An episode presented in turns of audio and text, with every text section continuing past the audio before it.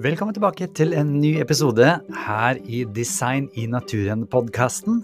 Jeg heter Chris Duve, og jeg vil bare minne deg på at du kan ta hele kurset her helt gratis med 38 forskjellige eh, informasjonsvideoer som da er lagd en podkast ut av, hvis du går inn på chrisduve.no og klikker deg inn på Design i naturen-kurset. Det finnes også et mindre kurs som heter Tre trosdyrkende fakta. Alt dette er altså gratis tilgjengelig. Men nå er det på tide med dagens episode. Vær så god.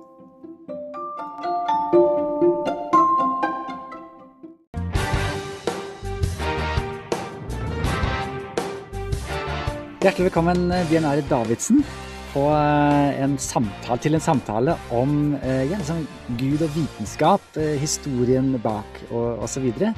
Du er jo forfatter og skribent, tidligere ingeniør, hvis jeg har forstått riktig? Eller du er vel fortsatt ingeniør? Ja, fortsatt ingeniør.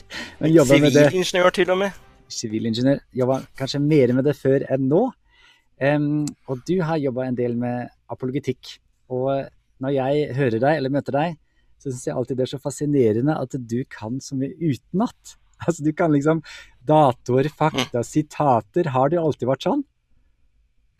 Ja, jeg har alltid vært uh, det man kaller for skoleflink. Jeg tror jeg var uh, uh, geografimester på, i barneskolen, i hvert fall. Jeg tror ikke jeg har fulgt opp den kunnskapen så mye, men jeg husker jeg vant noen klassekonkurranser da. Ja, riktig, riktig. Ja, det er i hvert fall veldig godt å huske, og det kommer godt med når man driver med det som vi skal snakke om nå.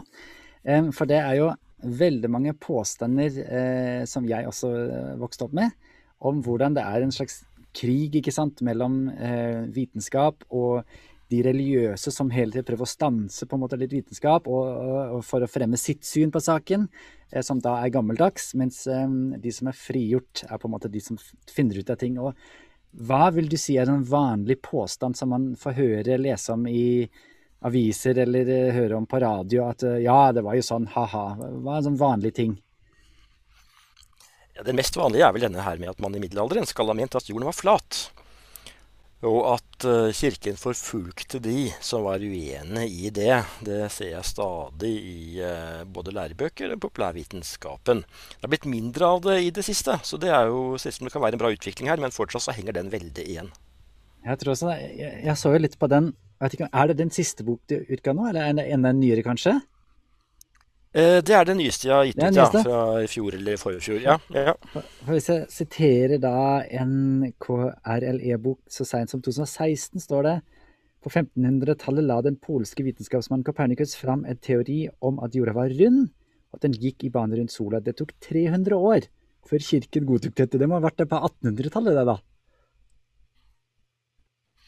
Ja da, det var jo mens Wergeland og Ibsen levde at man først uh, gikk med på at jorden var uh, rund, hvis man da var uh, i kirkemedlem. Men, men det, er, det, er, en blanding av dårlig formulering. Sikkert de mener vel bare dette med at jorden var i sentrum, da, ikke at den var flat. Men, men de, de, de, rett og slett hadde en totalt misforstått oppfatning av hva som foregikk.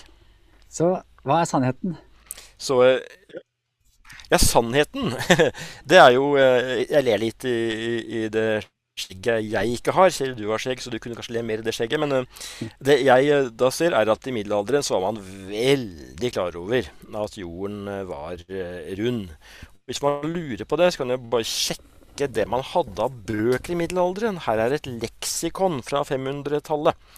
Og i dette leksikonet så er det veldig tydelig at man her ser jorden som rund. Og man hadde også kunnskap på denne tiden og fram gjennom hele middelalderen mellom år 4500 til år 1400 at uh, jorden var rund, og hvor stor den var. Man hadde omkretsen beregnet av de gamle grekerne. Jeg har, gir dem æren her med en liten T-skjorte for anledningen av Pythagoras. Så da kan man jo eh, tenke på de gamle grekerne og alt det som de hadde av kunnskap, og som ble stort sett tatt vare på gjennom middelalderen. Så det man da eh, ser, og dette kan faktisk være en ganske morsom historie, det er jo at man i alt man har av kilder fra middelalderen, enten man leser da teologi, som det store katolske filosofen Thomas Akinas, eh, som til og med åpner sitt eh, store verk Summa Theologica med et banalt eksempel for at studenten hans skal kunne forstå hva han snakker om, så er det altså sånn at ulike vitenskaper kan komme fram til samme sannhet, og denne sannheten, som et eksempel nevner han, er at jorden er rund. Og dette er altså ikke bare i, i, teologi og filosofi, men man ser det i eh, vitenskapen, man ser det i kunsten. Og nå er det jo fristende å vise noen bilder av noe kunst her.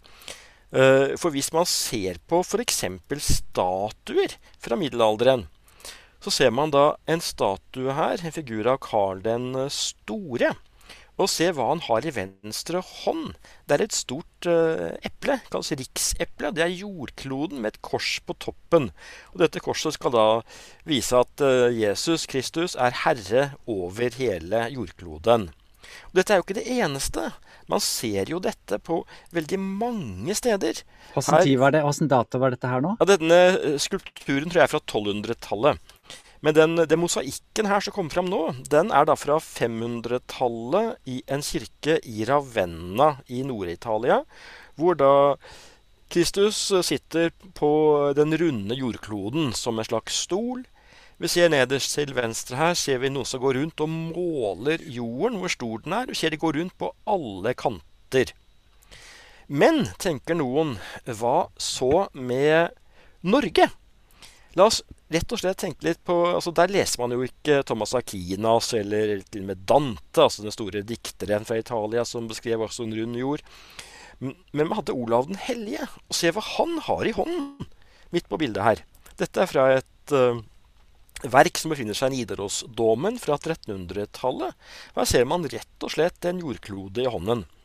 Og dette var faktisk plassert rundt i alle slags store og små kirker. Sånne figurer av Olav den hellige og tegninger med jordkloden, den runde jordkloden i hånden. Man kan bare ramse opp og vise bilde etter bilde etter bilde.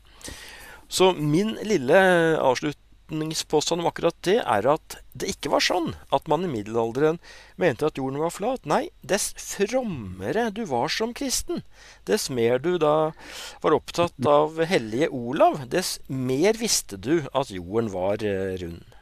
Ja, så men det er flere ting også. for at jorden, altså Copernicus eh, var én sak, men eh, Galileo Galilei han blei vel dømt av kirken fordi han ville rakke oss ned fra sentrum i, i universet og, og, på en måte ja, blei motsagt av kirken, fordi det, det, var ikke så greit.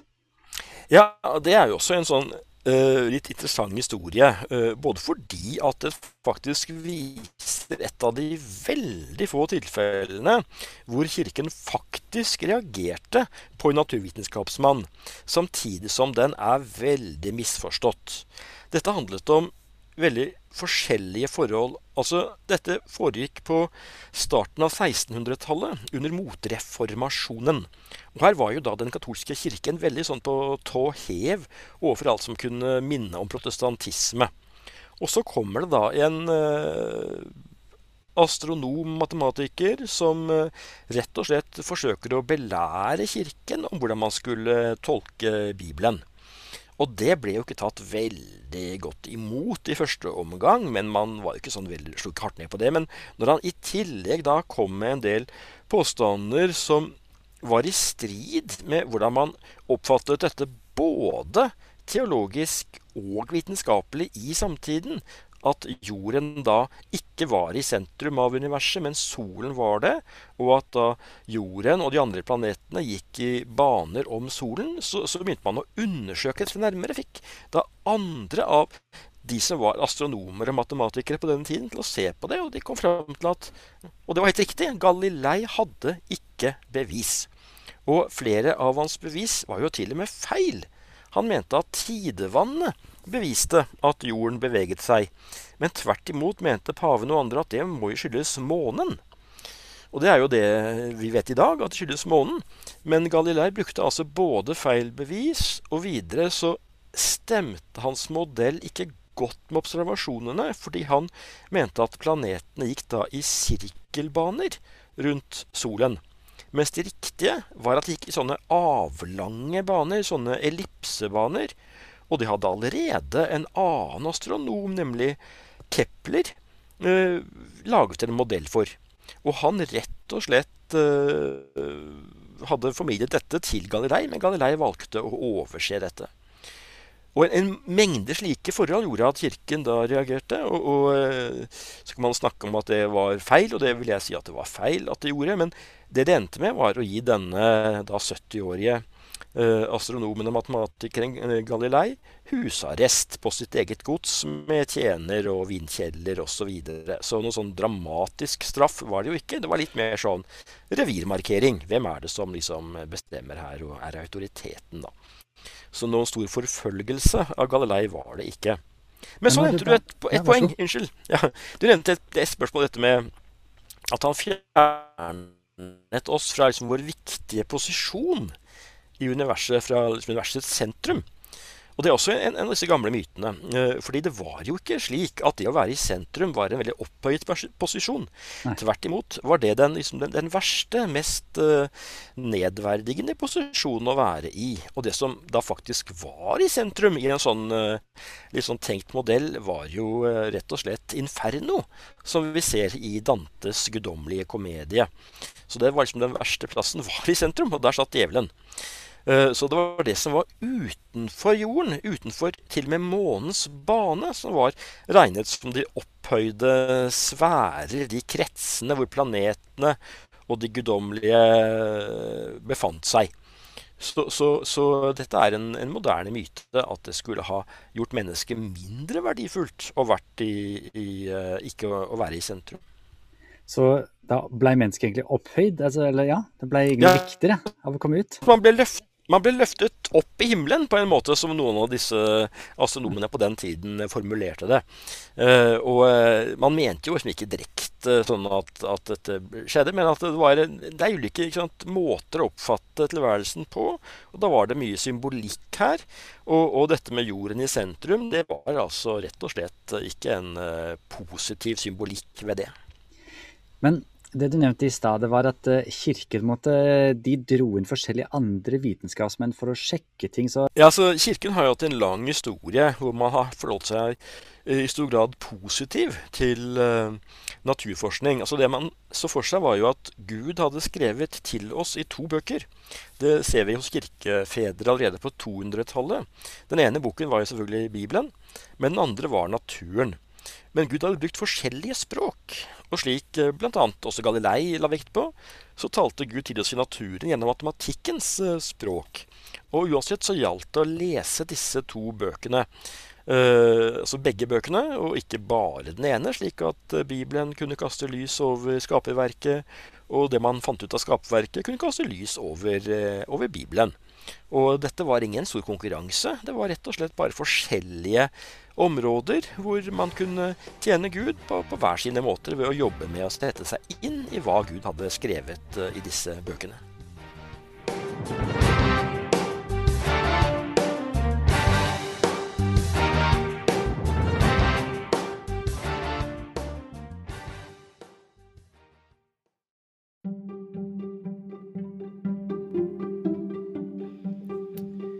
Igjen, dersom du ønsker å få tilgang til de hjelpearkene eller oppgavearkene, så er det jo fullt mulig for deg å signe opp til kurset. Da går det an å laste det ned. Hvis du går inn på chrisduve.no, så ser du all informasjonen der. Dersom du ønsker å støtte denne podkasten og annet arbeid som jeg holder på med, kan du også lese mer om det på chrisduve.no. Takk for nå.